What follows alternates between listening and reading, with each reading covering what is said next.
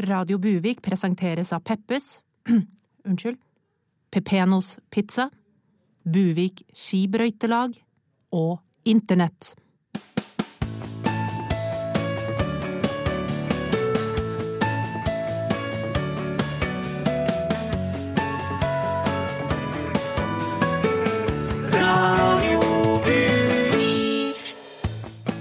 Da var det endelig lørdag. Og det betyr at jeg, Helle Dahl, igjen er klar for å lose deg gjennom nok en time med Radio Buvik, nye lokalradioen for Norges minste storkommune, Buvik. Ja, det har jo vært litt av noen uker nå, for stakkars Therese-mor. Jeg har bare lyst til å si at jeg, jeg tenker på deg, og jeg tror ikke at du, lille skiprinsessa vår, har gjort noe som helst gærent. Men det blir nok sikkert likevel litt ålreit å få litt fri nå, Therese. Så la oss bare sette i gang, for kaffen den er nytrakta, og jeg er klar til å gi deg et eh, hei hei og et dypdykk fra vårs i Radio Buvik. En 360 graders oversikt fra sjølve buljongen tatt Norge, nemlig Buvik kommune. Bob Dylan vant Nobels litteraturpris forrige uke, men har enda ikke takka for eller mottatt prisen. Allikevel er det mange som jubler for at en Bob fikk prisen, og en av dem har vi fått besøk av her i studio i dag. Vår lokale visesanger Tage Rasmussen. Hei, hei. Hei. Du Tage, hvorfor er det så stas at en Dylan vant nobelprisen? Først og fremst, Helle, er dette en seier for uttrykksformen visesang. Endelig har folk skjønt hvor mye som ligger i metaforene og imellom linjene i Bobs tekster, og, og mange tror jo at visesanger av denne typen enten er banale eller absurde, men, men lytter man nøye, finner man så mye dybde at det hjelper. Mm. Og, og, og, du håper vel kanskje også at dette kan åpne for at, for at, du også vil bli anerkjent med priser? Ja, jeg må jo innrømme det. Jeg, jeg har skrevet fantastiske politiske og, og, filosofiske tekster i en årrekke, men har aldri fått den anerkjennelsen jeg så absolutt fortjener. Ikke sant. Men du har sagt ja til å spille noen utdrag for vårs i dag. Hva er det første du skal spille for oss? Den første låta jeg skal spille her i dag, har veldig mange lag, eh, og den heter Krangling i barnehagen. Få tilbake bøtta mi, Leif, ellers dytter jeg deg ned. Nei, bøtta, den er mi, det var du som stjal for jeg hadde den i sted. Men bøtta, den er hellig for meg, den er viktig for min kultur. Den er helligere for meg, din kødd, så nå setter jeg opp en mur. Og prøver du å krysse den eller komme inn i mitt land? Så skal jeg banke dritten ut av deg og knuse hver eneste tann. All right.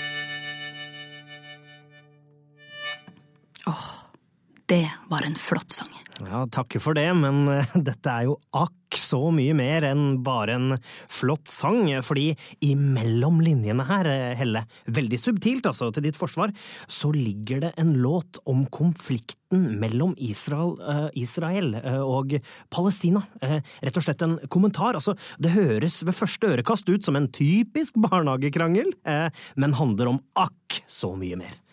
Fascinerende. Men du skal uh, spille en sang til for oss? Uh, ja, mm. uh, det skal jeg, og den heter Blå badeball.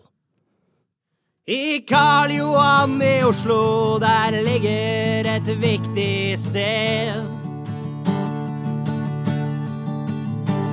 Med løver på trappa som skuer majestetisk ned. Men bygget er preget av skam. Og ryggen min løper kald. For i det viktigste rommet der sitter en blå badeball. Jeg vil ikke ha en blå ballong. En sånn der en stor ballong. Jeg vil ha rød med og den skal være større.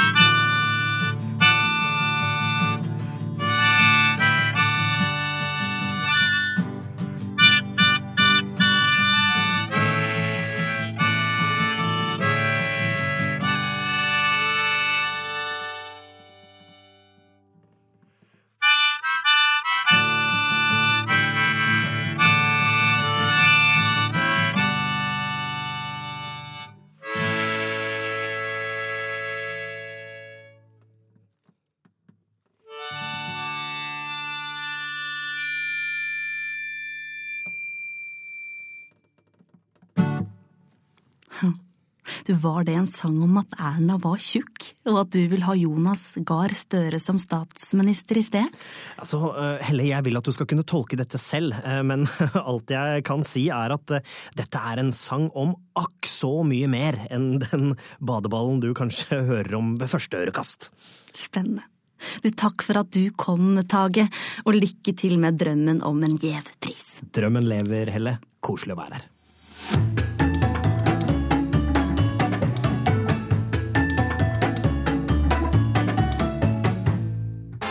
Er du lesbisk eller enslig?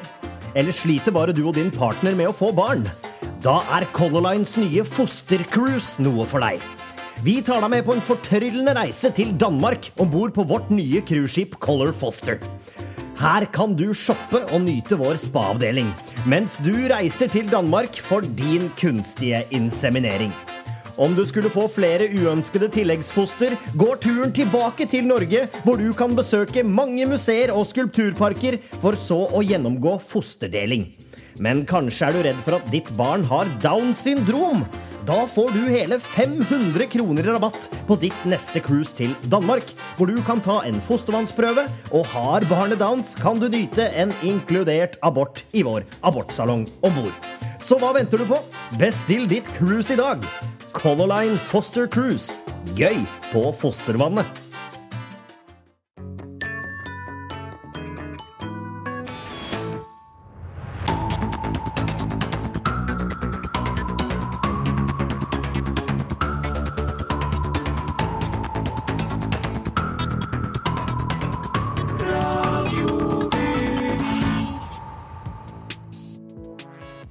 Velkommen til Buviknytt. Her er ukas toppsaker. USA-valget har hatt sin tredje og siste presidentdebatt. Dagsrevyen tar nye grep for å fenge unge seere. Og kjent norsk langrennsutøver er arrestert for væpnet ran. Men først skal vi høre at eh, selveste Marcus og Martinus skal opptre under årets Nobelkonsert. Prisvinner og president i Colombia, Juan Manuel Santos, er begeistret over nyheten. Jeg har vært fan av Marcus og Martinus siden jeg så dem på Sommer i Dyreparken i 2014. Både elektrisk og Plystre på deg er sterke sanger om forsoning og fred som vil sette et verdig preg på dette internasjonale arrangementet. Ifølge NRKs pressekontakt er dette første ledd i deres plan om å slå sammen Melodi Grand Prix Junior og Nobelkonserten fra neste år av. Natt til torsdag gikk den siste debatten i det amerikanske presidentvalget av stabelen. Vår valgekspert hadde følgende å si. Den tredje og siste debatten i årets presidentvalg ble avholdt her i Las Vegas natt til torsdag. Det var et særdeles jevnt løp, der Hillary Clinton fikk frontet sine fanesaker om et rettferdig skattesystem og å videreføre arven etter Obama. Og Donald Trump fikk presentert sin plattform om at Clinton er en nasty, nasty woman, og muligens sannsynligvis helt sikkert både en svovelluktende demon og et øgleromvesen fra verdensrommet som vil spise sjelen din. Vi fikk også endelig et innblikk i kandidatenes utenrikspolitikk, der Clintons ståsted er at Trump er Putins marionettedukke, mens Trump kunne kontre kontant med 'det er du som er Putins marionettedukke'. Dessuten så lukter du promp. Men hvilken av disse plattformene som vil appellere mest til amerikanske velgere, vet vi ennå ikke. Er de klar for forandring, eller vil de holde stø kurs videre med en sjelespisende øgledemon ved roret?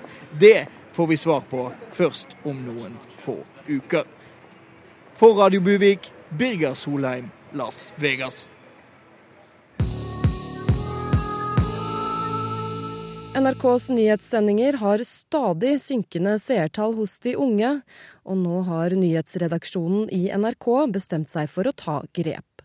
Det er på tide å ta nyhetene inn i en ny tid, sier de. Dagsrevyen vil fra nå av få et mer moderne formspråk, som vi kan høre her.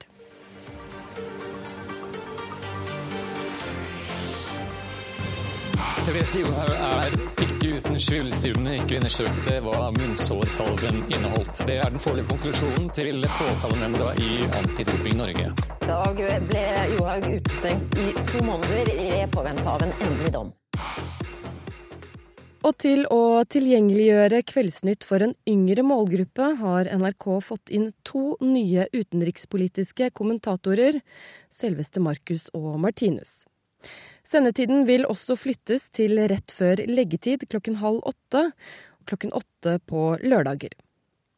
Da Buvik-Nytt traff de nye kommentatorene mens de spiste lunsj med president Obama, FNs generalsekretær Ban Ki-moon og mammaen sin, hadde de følgende å si om det nye vervet. Hva er deres største styrke som utenrikspolitiske kommentatorer? Ja, engelsk fordypning. Engelsk fordypning. Og grunnen til at vi har det, det er fordi at vi prøver å bli best mulig engelsk. Det ikke fordi vi har dårlig karakter. Vi har fem og seks i engelsk. Og nå sport. Det gikk i dag sjokkbølger gjennom Langrenns-Norge da det ble klart at en kjent norsk langrennsutøver er arrestert for væpnet ran. Politiet vil enda ikke gå ut med navnet på den folkekjære utøveren med flere OL-gull for Norge, men har følgende å si om saken. Ja, jeg kan bekrefte at vi har anholdt en norsk langrennsutøver etter en melding om ran av en 7-Eleven-kiosk. Personen skal ha rettet en eh, pistol mot de ansatte og truet til seg et ukjent eh, antall bananer og yoghurter av merket Yt. Eh, personen nekter altså all skyld, og har forklart at pistolen ble gitt henne uten noen advarsel om at den var ulovlig å bruke. Nå tar flere til orde for mildere straffer for væpnet ran utført av norske langrennsstjerner. En av disse er Buvik-postens sportskommentator Lars Busten. Nå må vi roe oss kraftig ned her. Det er ikke som om denne langrennsutøveren har drept noen. Her er det tydelig at hun har mottatt pistolen i god tro, og ikke fått beskjed om at den ikke skal rettes mot noen. Da kan ikke jeg se at hun har noe moralsk ansvar eller skyld i dette. Sånn er det med den saken. Dette var Buvik-nytt. Jeg heter Ida Breed.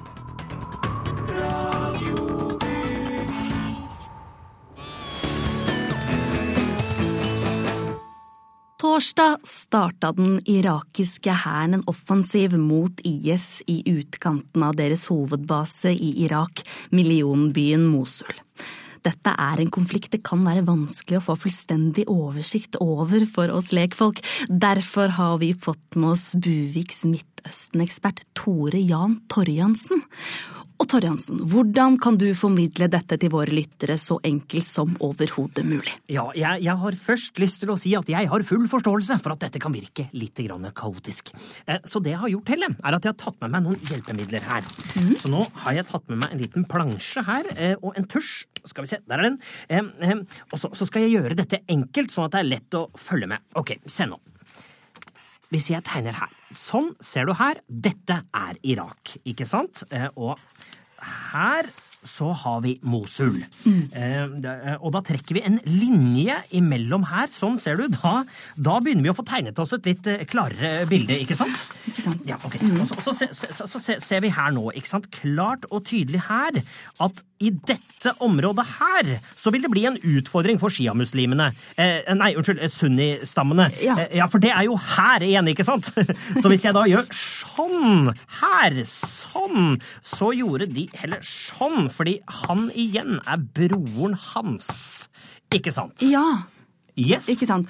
Så den er altså da Yes, den er koalisjonsstyrkene. Ganske Ja. riktig. Og den må ikke forveksles med den irakiske hæren her. Og den må igjen ikke forveksles med den irakiske spesialstyrkene, for de er jo her igjen! Og de må, ikke sant? I hvert fall så må du ikke forveksle dem med de irakiske politistyrkene, for de er litt mer på siden. Kan trekke et par linjer her så det blir lettere. Og da blir det noe helt annet igjen hvis du blander med de. Så, så jeg kan jo bruke litt farger her, skal vi se. Eh, hvis jeg bare tar fram den oransje tusjen Skal vi se, den var litt seig. Der kom eh, Så ser du her, ikke sant. Her er sunnimilitsen i oransje da, til guvernøren i Ninive.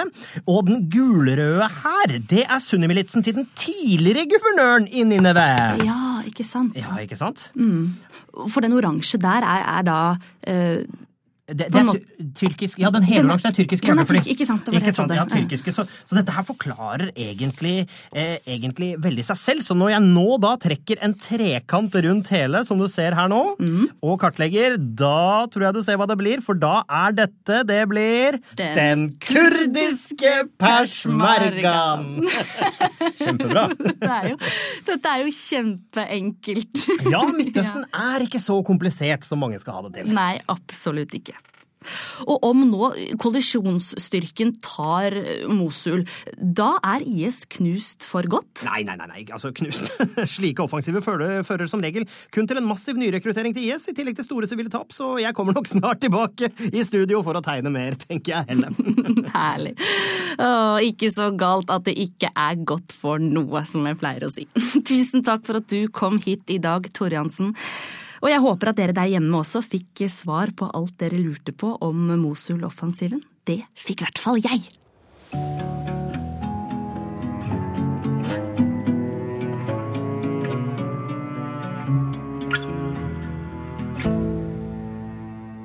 Jakt er noe som engasjerer oss buvikere. Og denne uka kom sjokkbeskjeden om at Miljødirektoratet ikke tillater jakt på trost. Og dette bekymrer vår lokale sauebonde. Det stemmer, Helle. Jeg står midt i Buvikskogen, langs Buvikelva faktisk, eh, sammen med den lokale sauebonden Geir Oddkalv. Du mener at vi bør få lov til å skyte trost. Hvorfor det? Ja, Det er enkelt og greit fordi trosten, eller gråbein som den ofte blir kalt, den dreper sau.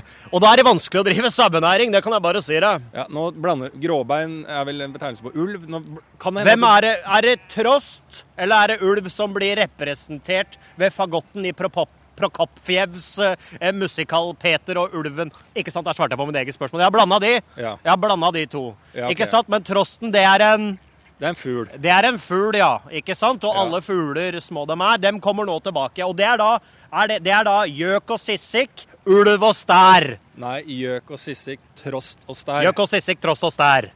Nå, nå syng, det er en sang, nå sang du kanon. Ja, dem synger, men dem kommer nå til ja, Da har jeg blanda litt med kanon og kanon og, det, og dette, men dem kommer nå tilbake. Det er jo det, det, er det som gjør oss eh, engstelige, vi sauebønder. Dem kommer tilbake, og hvor har de vært? Folk som kommer tilbake, kommer jo gjerne fra Syria. Og da har de gjerne med seg usunne verdier. Ja, Nå blander nok kanskje med fremmedkrigere som har dratt fra Europa og Norge. Gjøk og sissik, fremmedkrigere, ulv og stær. Nei, det er fortsatt gjøk og sissik, trost og stær. Hva faen er en sissik? Det, det er jo en fugl, det òg. Ja, det, er, det er ingen som veit det. Det er Nei. ingen som vet det er en kalif. Det kan være en kalif, det. Nei, de er nok i eh, De er plassert i Syria og Irak. Og, Jo, men de ja. kommer nå tilbake. Eller har jeg blanda det? Nei, det er fremmedkrigere som tar med eh, eh, Som er ute og slåss for å få seg et eget kalifat. Dette er, dette er veldig det er lett å blande her. Ja. Men jeg er redd. Det har jeg lyst til å understreke. Ja. Og da, hvis gjøk, sissik Altså en kalif som heter sissik, altså. Nei. Ulv, Trost og Prokopfjev, komponisten, kommer nå tilbake. Og jeg er redd. Ja, Jeg blanda lite grann. Jeg blanda litt. ja det har du. Men det viktigste er at vi må ta vare på sauen, ikke sant? Ja. Ja, men da sier jeg takk til deg, Geir Oddkalv. Eh, Takk for at uh, du forklarte er melodien igjen på den? Er det Gjøk og sissik, trost og stær Nei, det er nasjonalsangen. Ja, jeg blandet de. Ja. Tilbake til deg, Helle.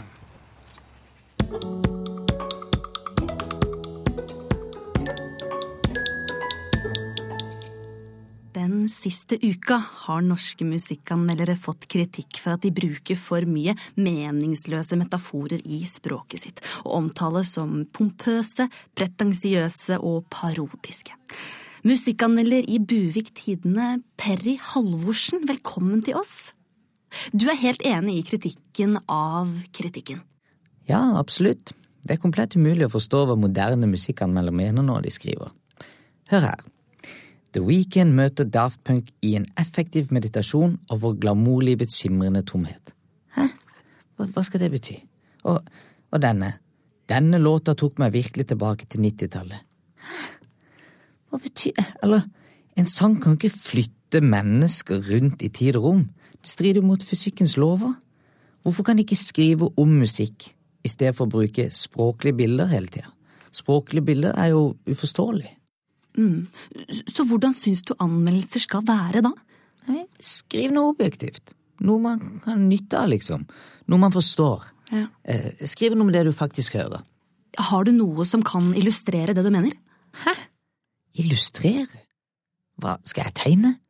Trodde vi snakket om musikk her. Altså, jeg mente bare om, om du har et eksempel på hvordan du syns en anmeldelse bør være. Aha, ja. Jeg er veldig glad du spurte om det, for jeg har faktisk med en av mine egne anmeldelser. Ja. Som jeg tenkte jeg kanskje kunne lese her. Ja, ikke sant. La oss eh, høre på det.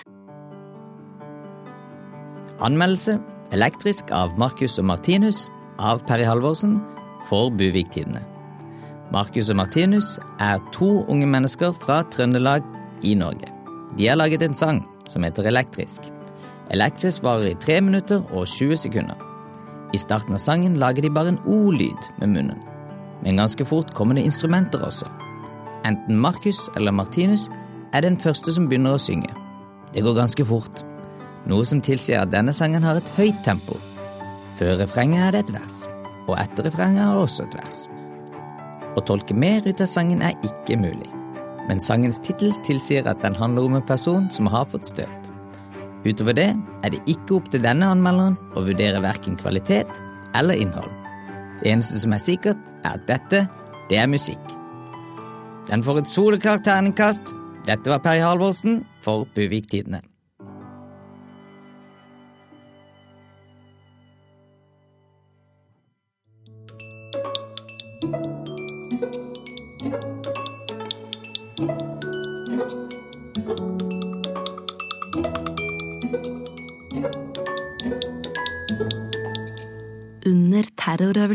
Gemini denne uka brøt det ut store uenigheter mellom politiet og Forsvaret om hvem som har hvilke ansvarsområder. I Buvik sentrum arrangeres det i dette øyeblikket også en terrorøvelse, der væpna politistyrker og Forsvarets spesialkommando simulerer et terroranslag mot en barnehage. Vi setter direkte over til Siripsnippen barnehage. Dette skal november Bravo i posisjon med Dompuska. Vi har bevegelse klokka ti. Vi er i området. Jeg gjentar, vi er i området over. Negativt. Det er falsk alarm. Det var bare en hoppeball med ekstra god sprett. Over. Politiet er klart til å gå inn. Over. Videre instruks fra FSK. Over. Nei, FSK avventer videre instrukser fra oss. Over. Vi går inn nå. Politiet, inngang nord. Vi tar hovedinngangen. Over. Ikke faen, vi sa pus på hovedinngangen. Over.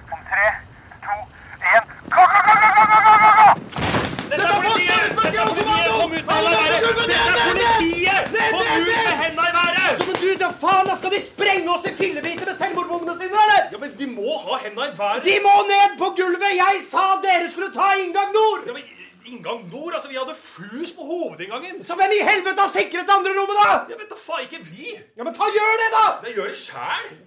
Altså, det er deres tur til å sikre rommet nå! Nei, jeg sikra Hva er det du snakker om? Vi sikra jo sykkelskuret! Det er din tur! Næsj! Jo, Næsj! Jo! Næsj! Det er det vel! Jeg bare lurer på hvor lenge dere skal holde på her, egentlig. Fordi jeg må nemlig veldig på DOS. Hvem er du? Jeg jobber i barnehagen her. Ok, greit. Ok, greit. Ok, stein, saks, papir! Ja. Stein, saks, vi har Stein, saks, papir. Ok, greit. Best av tre, for faen. Nei, det er faen. ikke best Det er best av tre, Nei, for det må vi avtale på forhånd! Legg deg ned! Legg deg ned! Hei, hei! Ikke den tonen til meg!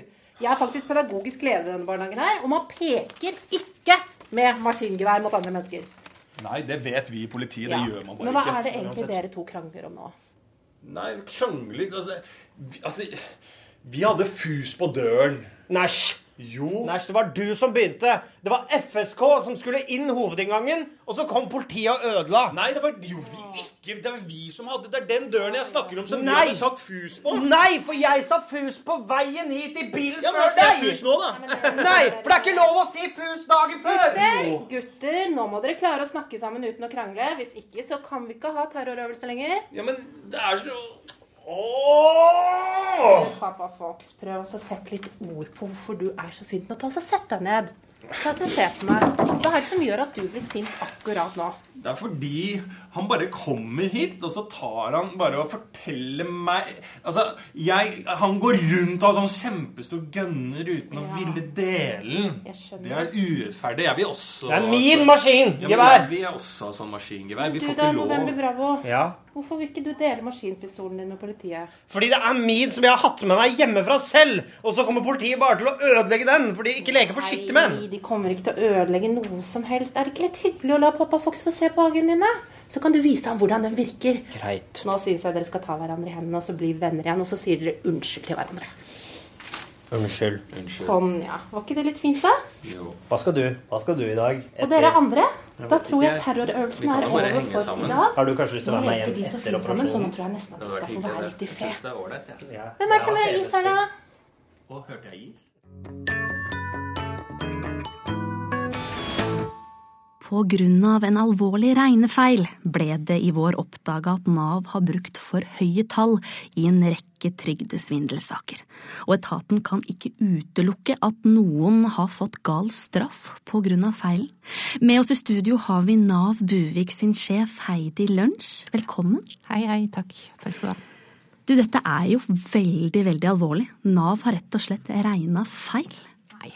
Feil vil jeg ikke akkurat si at eh, vi har gjort. Vi har gjort et litt for stort eh, overslag. Runda opp til en ti for mye, kanskje, men jeg er sikker på at dette ordner seg veldig kjapt.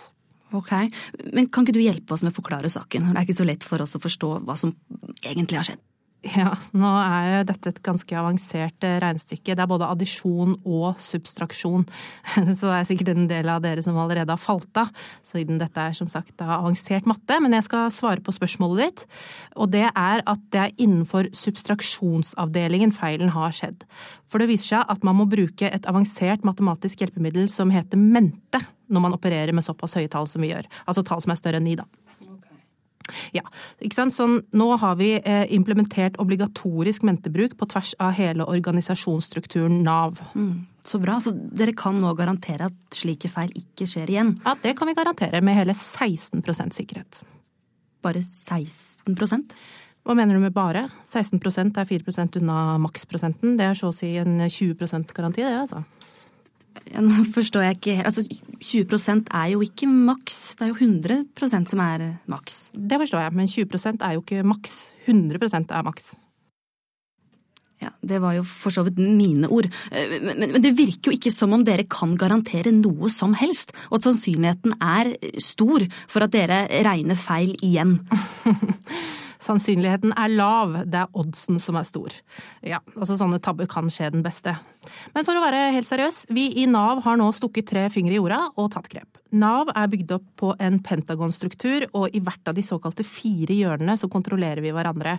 Og gjennom denne firehjørnede kontrollstrukturen kan du trekke en hypotetisk Pythagoras som alltid skal gi kvalitet 360 dager i året. Ja vel. Det forsto jeg ikke så veldig mye av, må jeg være ærlig og si. Og så virka også som om det var noen matematiske feil også i den strukturen eh, der. Ok, nå må jeg gå. Klokka har blitt 92. Eh, ha det bra, og takk for meg.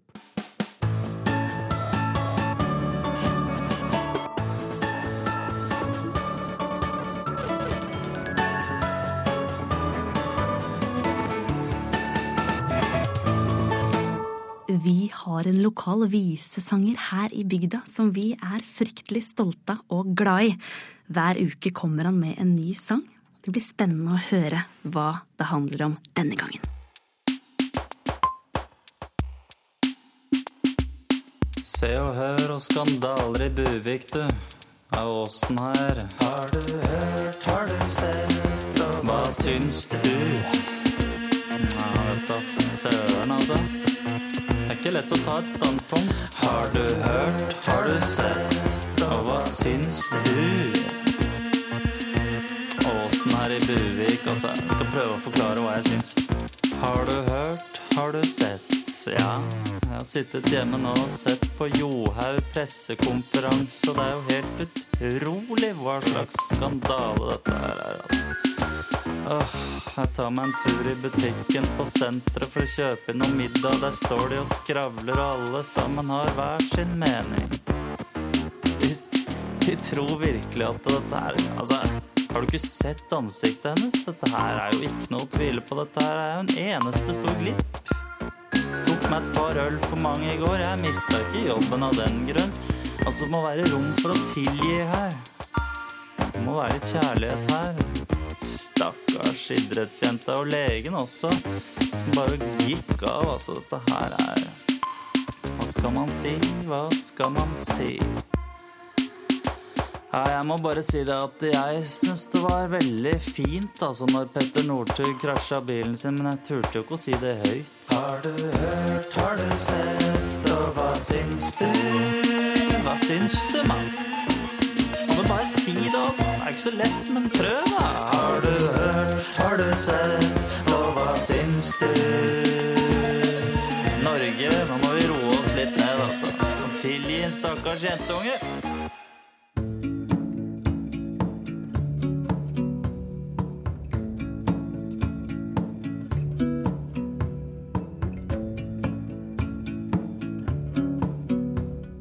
Nye undersøkelser viser at seksuell trakassering på jobb fortsatt er et stort problem. Og en som har jobba mye med dette i Buvik, det er deg, ordfører Harald Andreas Bøksle. Nå er det godt å se deg igjen, vesle hele stoppen min, altså. Ja, I like måte, Bøksle. Du, du mener at du har løst problemet med seksuell trakassering på jobb? Ja, nå har det jo vært eh, mye snakk om seksuell trakassering på jobben, og spesielt også i hotellnæringa. Det har også vært et problem på Buvik-hotellet, men det er rett og noe hemmelighet at det har vært et problem med seksuell trakassering på rådhuset også. Eh, og nå er vi i moderne tider, og holdningskampanjer har hjulpet oss på rett kjøl, men allikevel merka vi at seksuell trakassering aldri blei helt borte. Og det var da vi skjønte at en må skille mellom trakassering og kompliment. Mm. Og hva mener du med det, Bøsle? Ja, grunnen til at det er så mye seksuell trakassering, er enkelt og greit at for mange ting klassifiseres som trakassering. La meg gi deg noen eksempler så du følger med her, Helle. Vi har laga et dokument som med tydelige eksempler som forklarer hva som er lov og ikke. Om jeg klyper sekretæren min bredt i rumpa, eller tar av på brystene eller i området rundt rumpe, skritt og bryster seksuell trakassering. Men om jeg sier du ser flott ut i det skjørtet, Brett, så er jo det bare et kompliment. Eh, og, og så, så vi har nå rett og slett satt ned foten på rådhuset og gjort det strengt forbudt å kalle det å få et kompliment eller oppmerksomhet av det motsatte kjønn for trakassering. Men er det ikke litt farlig, Bøksle, å sette regler for hva folk kan reagere på? Nei, Helle, snarere tvert imot. Vi er nødt til å forbeholde oss retten til å være mennesker i møte med det motsatte kjønn. Så her handler det om å finne den gylne middelvei, rett og slett. Altså, det er ikke lov å gripe en kollega for eksempel av Britt til kjønnsdelene, men det skal være lov å kalle for eksempel av Britt da, for flott-flottesen, og kanskje et vennskapelig klyp til kinna. ja, men du, du har også fremmet et annet forslag nå denne uka? Ja, nå som det ikke er lov med noen som helst utblåsning, altså av kjønnsdrifter og natur på kontoret, så, så har jeg foreslått at det årlige julebordet på Buvik hotell skal være en amnestidag. Og det som ligger i det, er at den ene dagen i året hvor vi drikker og blir og litt ekstra sjøl, kanskje noen av oss, så skal det være lov til å slå seg skikkelig løs, altså. Sånn at vi ikke blir helt gærne til huet og på rådhuset der. Altså, hvis ikke jeg en eneste dag skal få lov til å klaske litt på abrett, så tror jeg hadde blitt eh, Eller for eksempel abrett, da. eh, Så, så, så tror jeg hadde blitt gæren. Altså, den ene dagen i året skal det være lov til å slå seg skikkelig løs, sånn at vi ikke blir gærne. Buvik hotell har jo slitt en del også, vet du, med seksuell trakassering. Så, så, så både for oss juleborddeltakerne og de ansatte der, dem har godt av å få blåst ut litt. Ja, du får sagt det, du ordfører. Alltid. Men du, takk for at du kom, Bøksle. Du, det er alltid hyggelig. Sweet cheeks. Og da snakker jeg om kina din, altså. Vet du hva, jeg tror jeg tar meg litt av klem, jeg. Jeg tror jeg tar meg litt av klem her borte. Bøkslebamsen. Du kommer på julebordet du, Helle. Ja, da er du her. Da ses vi. Nå blir det regnende papirene. Da blir det klyping både her og der. Det var hyggelig å være her. Jeg, jeg kommer av gårde. Herlig.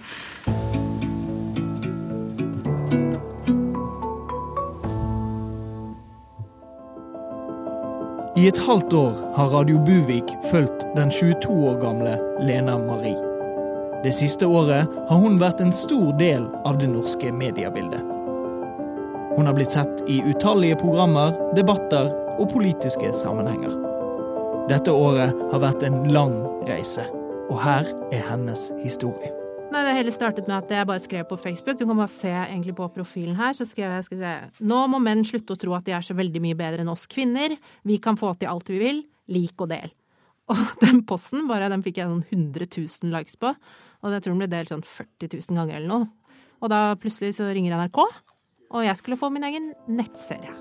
Det var bare helt sånn sinnssykt. Jeg skjønte Vi følger Lena Marie på møte i NRK. Utrolig kult at du er her, Lene Marie. Vi har invitert deg fordi vi veldig gjerne vil lage en nettserie med deg. Og den skal handle om unge, freshe feminister. Ja, nå har ikke jeg akkurat gjort så veldig mye akkurat, Du, det, det er null stress, altså. Det er null stress. Altså, jeg tenker tre sesonger, jeg.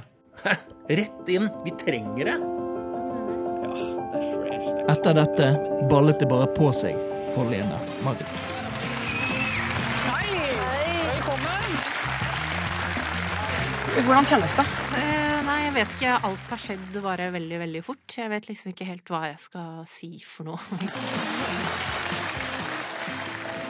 Etter Lindmo blir Lene Marie kastet ut i debatter, bedt om å skrive kronikker og til å fronte utallige interesseorganisasjoner.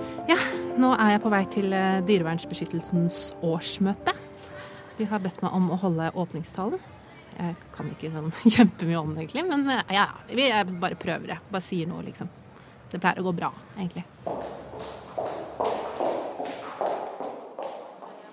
Hei, jeg heter Lena Marie. Eh, nå må hunder slutte å tro at de er så veldig mye bedre enn katter.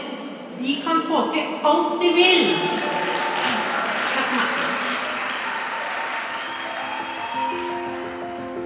Men det var da Lena Marie skulle begynne å skrive sin første selvbiografi om et år i søkelyset, at hun skjønte at hun hadde det svært vanskelig. Åh, nå har jeg liksom skrevet over to setninger. Tre, ja, tre setninger hvis man tar med slutten på den setningen som jeg begynte på der. Og jeg bare, jeg, har bare stoppa helt opp. Jeg har ikke noe mer Det er helt tomt nå. Lena Marie har bestemt seg. Hun må ringe Gyldendal for å si at hun ikke har noe å skrive om. Og som hun sier sjøl, dette er seriøst det aller vanskeligste jeg har gjort i hele mitt liv. Ja, hei, det er Lena Marie. Eh, Du, altså, nå har jeg jobbet litt og ser at jeg egentlig ikke har noe å skrive om. Jeg tenker jeg liksom bare må ta meg et halvt år fri eller noe, og bare tenke over at jeg faktisk ikke har utretta noe i livet. På en måte. Jeg bare føler at jeg har gått på en smell. jeg. Men så skjer det noe veldig uventet. Ja. Ja, ja, ja, selvfølgelig. Ja, men vi bare snakkes. Tusen, tusen, tusen takk. Dette var kjempegøy. Takk. De vil at jeg skal skrive en bok om smellen. De vil at jeg skal skrive en bok om smellen! De vil at jeg skal skrive en bok om smellen.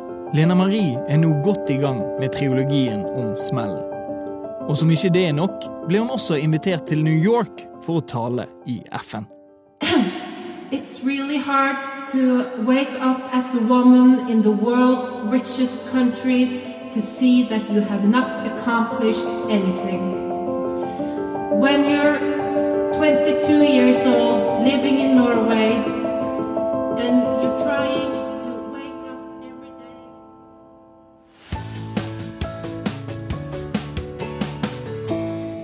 Tirsdag formiddag inviterte innvandrings- og integreringsminister Sylvi Listhaug til regjeringas nasjonale integreringskonferanse. Det som endte med å ta fokus, var en Facebook-melding Listhaug skrev noen timer før konferansen, og der sto det blant annet. Jeg mener de som kommer til Norge må tilpasse seg samfunnet vårt. Her spiser vi svin, drikker alkohol og viser ansiktet vårt. For å diskutere denne saken har jeg med meg leder for Islamsk råd Buvik, Ismail ah Ahmed, ja, og lederen for Buvik antirasistisk senter, Sven Geirsen. Velkommen til dere begge. Takk. Takk, takk. La oss starte med deg, Sven, leder for Buvik antirasistisk senter. Du mener Listhaug sine uttalelser er hårreisende. Ja, men nå er vi i Buvik antirasistisk senter ganske hårete, så det skal litt til for å vippe oss av pinnen. Nei da. Men for å dra gode vitser til side, så, så, så må hun stoppe nå, hun Listhaug. Altså, vi må tilpasse samfunnet vårt slik at spesielt muslimene føler seg velkommen. Ikke sant.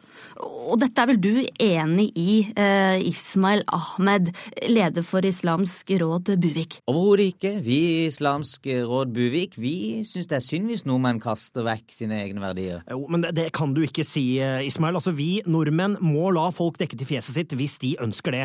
Og jeg mener også at vi kan droppe julefeiringer i skolen. Tenk på de stakkars muslimene som tvinges til å feire jul! Ja, men Vi muslimer vi elsker jo jul. Vi elsker juletre, vi elsker pepperkaker, pinnekjøtt og ikke minst tri. Ja, men, men de fleste nordmenn serverer ribbe, Ishmael. Altså, tenk å være muslim og få, få tilbud om gris. Er du klar over Ja, jeg er klar over det. Kona mi spiser gris. Ja, men da er ikke hun ordentlig muslim. Det der kan ikke du si. Nei, greit, jeg kan ta selvkritikk der, men poenget mitt er at vi nordmenn må slutte å dyrke det kristne med julen, for dette er uheldig i forhold til dere muslimer. Nei, det er det ikke. Vi feirer id, og vi feirer ramadan, og vi feirer for eksempel jul. Og det kan vi gjøre sammen, syns jeg. Oss Nei, altså dette her handler ikke om å feire sammen, uh, Ahmed. Vi nordmenn skal legge til rette, og dette mener jeg. Når Listhaug skriver at muslimer ikke skal få lov til å dekke til fjeset sitt, da blir jeg rett og slett kvalm. Ja, men Der syns jeg faktisk Listhaug har et veldig godt poeng. Jeg syns det skal være forbud mot nikab i arbeidsplassen. Ja, men Dette her er helt uhørt. Dette her er helt uhørt. Altså, alle muslimer ønsker å dekke til fjeset sitt, og da er det vår oppgave som samfunn å legge til rette for det. Ikke alle muslimer ønsker å dekke Nei, til greit, fjeset men mange ønsker å dekke til fjeset sitt. Ingen jeg kjenner bruker nikab. Nei, greit, men, men noen muslimer gjør det, og da må vi legge til rette for at de kan få gjøre det, da. Nei, jeg syns de rett og slett må få tilpasse seg det norske samfunn. Er... Det er det som er integrering. Hva er det du sier, hva er det? Altså, nå må jeg som nordmann, som prøver å beskytte muslimenes verden, si at du som muslim eh, støtte, som støtter norske verdier, er på kanten til å være fremmedfiendtlig. Skjønner du? O- Ok, men folkens, her har vi jo da en etnisk norsk nordmann som står opp for muslimske verdier, og en ikke-etnisk nordmann som står opp for norske verdier. Er ikke dette egentlig ganske ålreit? Nei, overhodet ikke. Jeg liker ikke å ha nordmannen som prøver å kjempe for oss muslimer. Jeg vil feire jul. Ja, og jeg kommer i hvert fall aldri til å akseptere en muslimsk mann eh, som støtter Listhaug-logikk. Altså, dere muslimer skal ikke feire jul! Ja, ja. ja. Selv om meningene er utypiske, så er fortsatt uenigheten typisk. Det var det vi rakk i dag. Takk skal dere ha for at dere kom, begge to. Nå kommer noe i hvert fall jeg har gleda meg veldig til. Vi skal nemlig nå høre et nytt uttrykk i dialektspalta vår her i Radio Buvik, som alltid med Gjert Busan Vikbukt, den eneste som fortsatt prater distriktets karakteristiske dialekt. Velkommen, guttmensch. I dag skal vi syne ordet speilung her på Radio Bjørvik. I gamle dager, når folk fikk to klessende slik unger på samtid, så sa en at de hadde speilung fått. Familien med overtro var glad for speilung og mente den var magisk. Mens andre var trist fordi speilung kosta mer arbeid og penger. Og dem brukte å putte sist utpressa speilung i skauen for å forvitre. I moderne tid er speilung mer vanlig å se til i byen og på skoleplass. Men det er også lettere å fjerne speilung om så ønskes. For nå kan Lesjar hente ei speilung fra busjen til pregnanten og kaste den i båsbytta. Da veit dykk kvi speilung tyr. Føl Vikenda stasleg, guttmensch.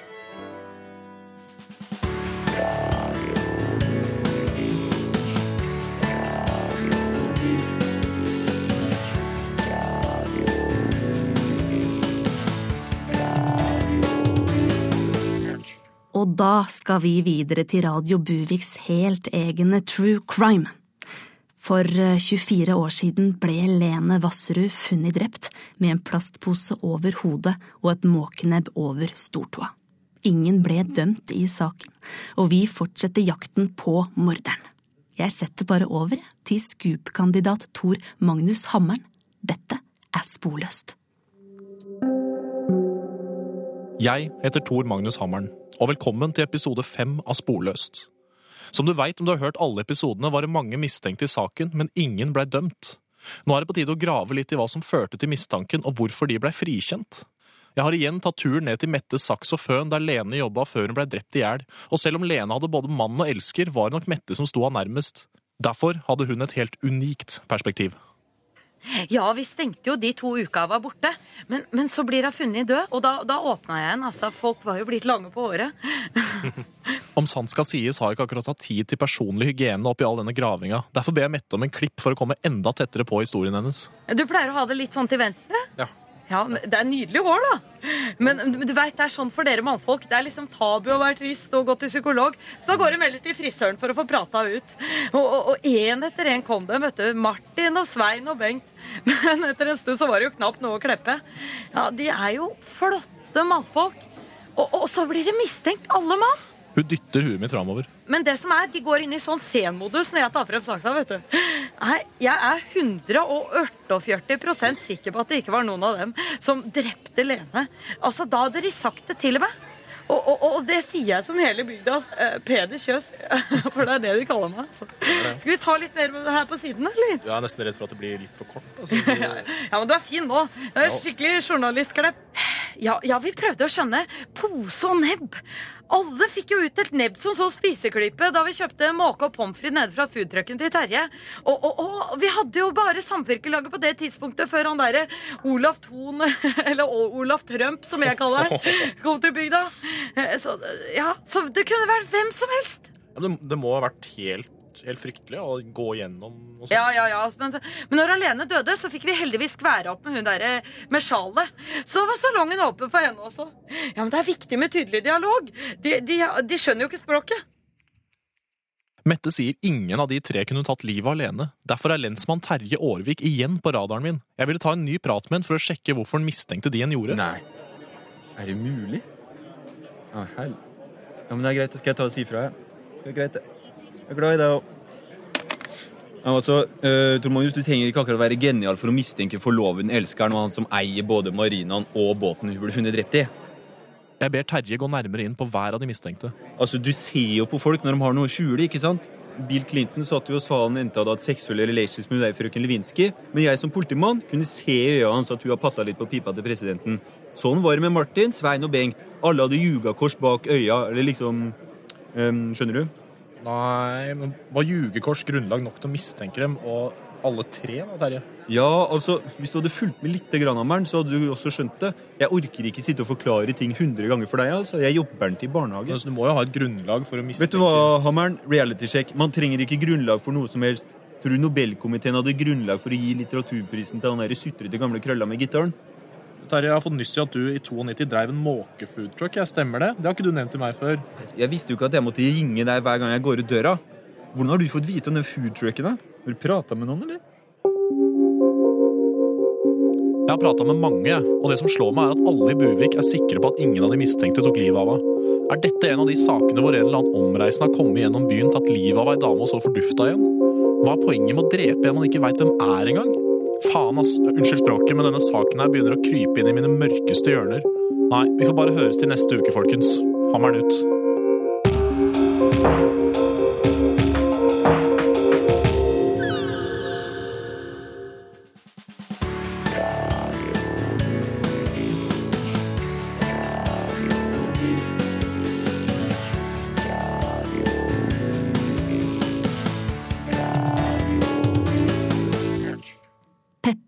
Pizza er en kjent pizzarestaurant for mange.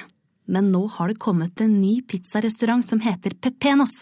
Dette har ført til at Peppes truer Pepenos med søksmål, og har allerede fått støtte fra konkurranseutvalget. Pepenos har akkurat åpna en pizzeria her i Buvik, og vår reporter Henriette er sjølsagt på plass. Herregud, altså. Jeg, altså jeg, vet ikke hvordan jeg skal si det. Altså, Se rundt deg, da. Syns du det her er så likt som Peppes? Ja, når jeg ser rundt meg, så er det jo egentlig ganske likt overalt her. Du kan ikke være en altså, nei, men, altså, Hvordan skal man selge pizza, da? En pizza er en pizza. En nettside er en nettside. En restaurant er en restaurant. Altså, faen, altså! Dette skjer hver gang! Hver gang, sier du? Hva er det du mener med det? Hæ? Hver gang? Hva mener du med det? Ja, men hver gang jeg prøver Ja, altså, jeg hadde en Jeg hadde en idé tidligere i år jeg prøvde å lage en kafé, vet du. Og så kalte jeg en kafébrenneri, og så ble jo det trumulter. Og jeg hadde også en, lagd en dagligvarebutikk som heter Kiwi, og det var jo ikke lov, altså. Jeg får, lov, får jo ikke lov til å gjøre noen ting lenger. Ja, for Kiwi finnes jo. Nei, men altså ikke, altså ikke dagligvarebutikken Kiwi som allerede er her. Altså, det var ikke utgangspunkt i Kiwi som i frukt, det var utgangspunkt i Kiwi som den newzealandske fuglen kiwi. Så det er jo noe helt annet. Det er jo stor forskjell på dyr og frukt, er det ikke det? Jo, det kan jo kanskje si det. Ja, det, altså, jeg veit ikke lenger, altså. Kakao. Ja, hva med kakao? Hva mener du? Kakao. Ja, det er jo lagd, det også. Alt jeg kommer på, er jo lagd! Jeg må drive og tenke på nye ting. Det er vanskelig, det der greiene der. Ja, Henriette. Pepenos eller Peppes. Pizza er nå gullet godt uansett, spør du meg. Du hører nå på Radio Buvik, en lokalradio fra Norges navle Buvik, og nå syns jeg virkelig det er på tide med litt reklame. Har du født ett eller flere barn? Har etinga di tatt helt av, og ingenting i verden kan få den feite ræva di ut av sofaen? Vel, vi har løsninga for deg. Vi i Internett kan nemlig få det verste utgangspunktet til å bli forbilledlig for alle andre kropper i forfall. Ta et bilde av den kroppsdelen du er minst fornøyd med, og legg det ut på internett. Vi kan garantere tusenvis av likes fra likesinnede som har akkurat den samme kroppen som deg, og som heller ikke ønsker å gjøre noe mer.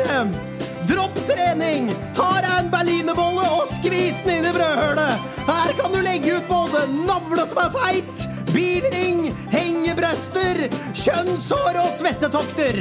Hvorfor ta i et tak når du bare er et fotoklikk unna anerkjennelse av det som en gang var en kropp? Så skru på selfie-funksjonen på telefonen din og ta et grotesk bilde av det fetthavariet som en gang var en kropp, og legg det ut på internett i dag, da vel! Juhu!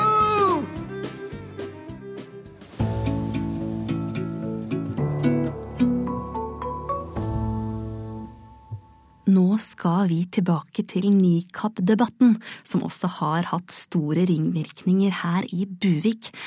I det norske arbeidslivet viser vi ansiktet vårt, sa integreringsminister Sylvi Listhaug. Og på Busenteret finnes det en butikk som har hatt den filosofien i årevis. Reporter Lasse Koksvold.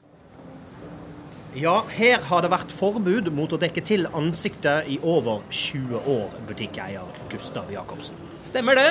Jeg vil se ansiktet til de jeg jobber med. Jeg tror det er avgjørende for god kundebehandling. Og Derfor har vi også et forbud mot dobbelttaker her i butikken, faktisk. Ja vel, eh, hvorfor det? Jeg må se hvor ansiktet slutter. Og hvis jeg spør mine ansatte er det du som har stjålet penger fra kassa, da vil jeg se halsen for å se om de svelger nervøst. Dette kan jeg. Ja, men nikaben og dobbelthaken er vel to ganske Nei, nei. så forskjellige ting? Nei, ikke for meg. Ikke for meg. Det handler om å kunne kommunisere med dem man har rundt seg. Man må se hele ansiktet. Ja, Men hvis, hva hvis noen ringer til butikken? Nei, vi har ikke telefoner. Vi må se ansiktet. Og vi har ikke ringevikarer heller. Vikarene sover her i butikken, så at jeg kan gå inn og spørre face to face om de vil jobbe hos oss i dag. Da svarer de som regel nei, du har for mange psykoregler her i butikken. Og det er for så vidt fair, det, så lenge de sier det face to face. Ingen tvil om at reglene er klokkeklare her i butikken. Du må vise ansikt. Tilbake til deg, Helle.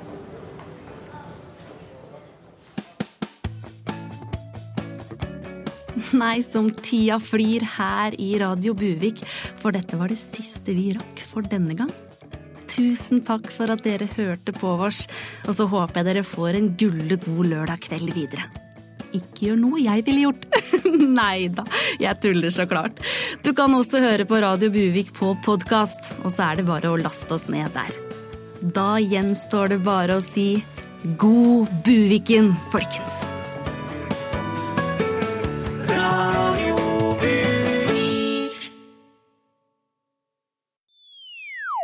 Produsert av Rubicon Radio.